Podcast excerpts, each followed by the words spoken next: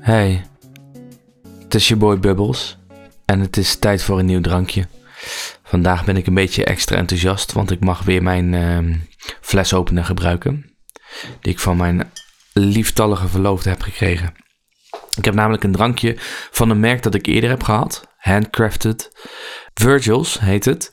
En het is een ehm, ja, handcrafted vanilla cream drankje. Ehm, ik heb eerder een ehm, kerstdrankje van hun gehad en een root beer. Die vond ik wel oké. De enige andere vanilla cream drank die ik heb gehad was van A&W. Die ook een root beer hebben. Dit zijn waarschijnlijk populaire Amerikaanse drankjes die in Nederland komen. Want ze liggen ook vaak in het speciale geheime schap met drankjes die uit het buitenland komen.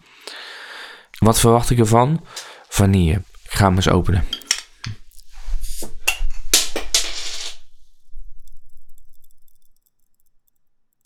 Er zit een heel klein prikje in, maar misschien is dat ook de lange hals van de fles. Het is een fles van 350 milliliter. En uh, hij ruikt een beetje naar hoe vanillekaars ruikt. Ik ga eens een slokje nemen.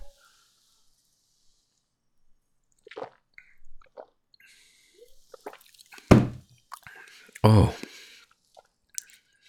Nee. Nee, dit is geen lekker drankje.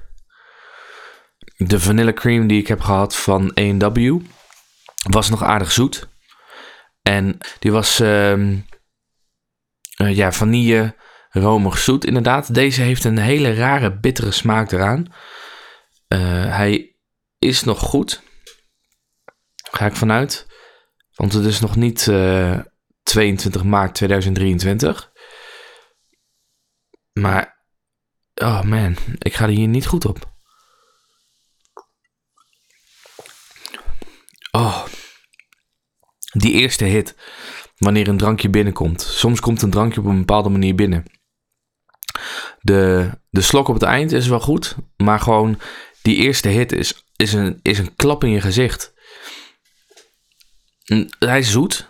En ik ben een fan van zoet. Maar. Oh. Oh.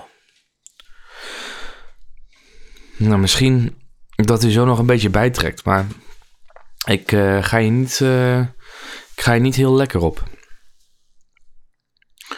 Gelijk ook even tijd om uh, twee opvallende nieuwsberichten even voorbij te laten komen die ik heb gelezen. Allebei in het thema religie. Je hoort wellicht de wind op de achtergrond, het waait vandaag vrij hard.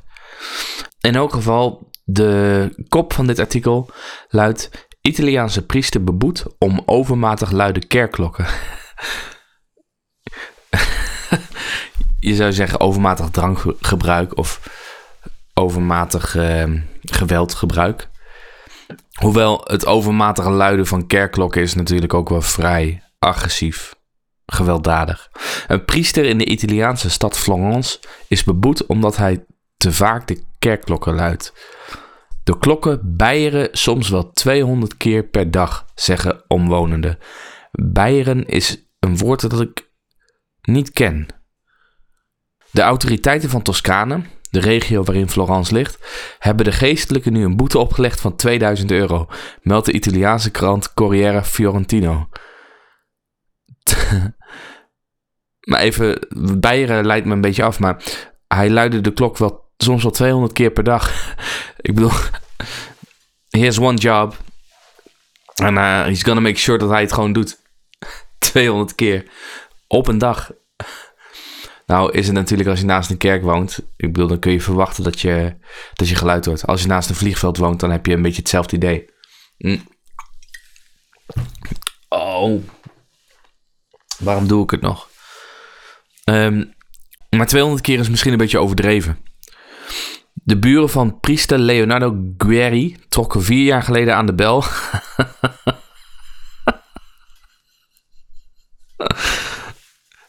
Ik vind dat de schrijvers van dit soort artikelen altijd wel een, uh, wel een pluim verdienen. Voor dit soort woordgrapjes. Uh, de buren van de priester Leonardo Guerri trokken vier jaar geleden aan de bel over zijn vreemde gewoonte, waardoor ze nauwelijks konden slapen, werken of uitrusten. Kan echt niet. Kan echt niet. Na mislukte bemiddelingsgesprekken volgden juridische procedures, verzoekschriften en geluidstesten. Hij mag enkel nog de klokken luiden voor de mis en als oproep voor gebed. Maar hij wil dat mensen twee keer. Wat zijn andere redenen om een klok te luiden? Behalve ja, een huwelijk misschien. Of ehm, een, een speciale feestdag. Maar ik kan niet 200 redenen op een dag bedenken waarop je die bel moet luiden. Die man die hield van die bel, die sliep in de bel waarschijnlijk. Het geschil over de klokken van priester Geri speelt al jaren. De kardinaal van Florence had de Toscaanse parochies in 2014 al gemaand de geluidsoverlast door het gebeier, daar is dat woord weer, te beperken. Een ander artikel. Politie Pakistan jaagt op man die spijker in het hoofd van een zwangere vrouw sloeg. Meteen al, wat? Uh, de vrouw leeft nog overigens. Voordat, uh, het, het, wordt, voor, het is vrij Ruben natuurlijk, maar de vrouw leeft nog. In Pakistan is een klopjacht gaande op een gebedsgenezer die naar verluid een spijker in het hoofd van een zwangere vrouw heeft geslagen. Hij beloofde haar dat ze dan zou, bevallen van een jongetje. Oh, ik moet er niet... Het is eigenlijk best ernstig. Uh, de vrouw wilde niets liever dan een jongetje. Haar man had gedreigd dat hij bij haar weg zou gaan als ze nog een meisje zou krijgen. De vrouw probeerde eerst zelf een spijker van 5 centimeter uit haar hoofd te halen, maar dat lukte niet. Ze besloot erop alsnog naar het ziekenhuis te gaan. Een medewerker van het ziekenhuis zei dat de vrouw volledig bij bewustzijn was, maar enorme pijn had toen ze aankwam. De politie begon direct met het onderzoek nadat röntgenfoto's van de verwonding online waren verschenen. Politiechef Abbas Ashan van Peshawar tweette dat er een speciaal team is samengesteld om de gebedsgenezer voor het gerecht te brengen, die met het leven van een onschuldige vrouw speelde en een spijker in haar hoofd sloeg met de valse belofte van een mannelijk kind. Ja, een, ehm, een advies. Als je naar een gebedsgenezer gaat, kan mooi zijn. Halen ze spijkers en hamer erbij en mix op je hoofd. Zou ik misschien op zoek naar een andere gaan. Maar ik ben ook weer niet een expert op spiritueel gebied. Ik zou zeggen dat dat niet de beste manier is. Waar ik wel een expert in ben.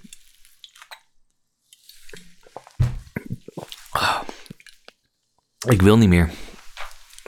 Ik was van de andere Virgils best fan. Maar deze die gaat wel echt tien bruggen te ver voor mijn gevoel. Ik geef niet vaak deze rating. Maar ik geef hem nu wel. Het is een Marijke Helwegen. En dat heeft er vooral mee te maken dat gewoon die eerste hit in je mond voelt alsof ze een spijker in je hoofd slaan en je een, een jongen beloven. Terwijl je niet eens zwanger bent en een man bent, dus het ook niet kan worden. Het is niet wat je nodig hebt, het is niet wat je wil. Nee, dit, dit drankje, ik drink hem alleen voor science. Maar nee, een, een 4,8. In de afdronk zit nog wat zoets, wat er misschien een beetje... Nee, ook niet. Hij drinkt niet lekker 4,8. Heftig. Ik ben streng vandaag. Nou, heb ik wel, vind ik wel moeilijk voor een drankje, want ik ben niet graag uh, streng. Dus uh, Virgils, uh, als jullie dit horen, love you guys. Vooral um, je raspberry. Root beer was wel oké. Vanilla cream is niet mijn kopje thee. Dit drankje is totaal niet te verhaspelen. Ik, uh, ik heb wat geleerd over vanille en over mezelf. En ik ga proberen mijn leven te beteren door in elk geval dit drankje niet te drinken. Um, dan is het tijd om de podcast te promoten. Hier bij je Boy Bubbles uh, vertel ik wat over het nieuws. Nodig wel eens mensen uit. Doe eens een top 10 lijstje vertel wat over mijn eigen leven. En ik review drankjes. Dat is het belangrijkste. Soms goede, soms, nou ja, niet zulke goede. Vind je dit een leuke of interessante podcast? Deel het dan met vrienden, familie en ehm, mensen die zweren bij energiedrankjes. Want ook die mensen, die hebben bubbels dagelijks. Ja. Goed, ik ga het niet leeg drinken. Ik ga er wel tegenaan tikken. Ik hoef hem ook niet te kraken, dat scheelt weer. Mooi geluid. Dan eh, wil ik jullie bedanken voor het luisteren. En dan hoop ik dat ik jullie een volgende keer weer spreek.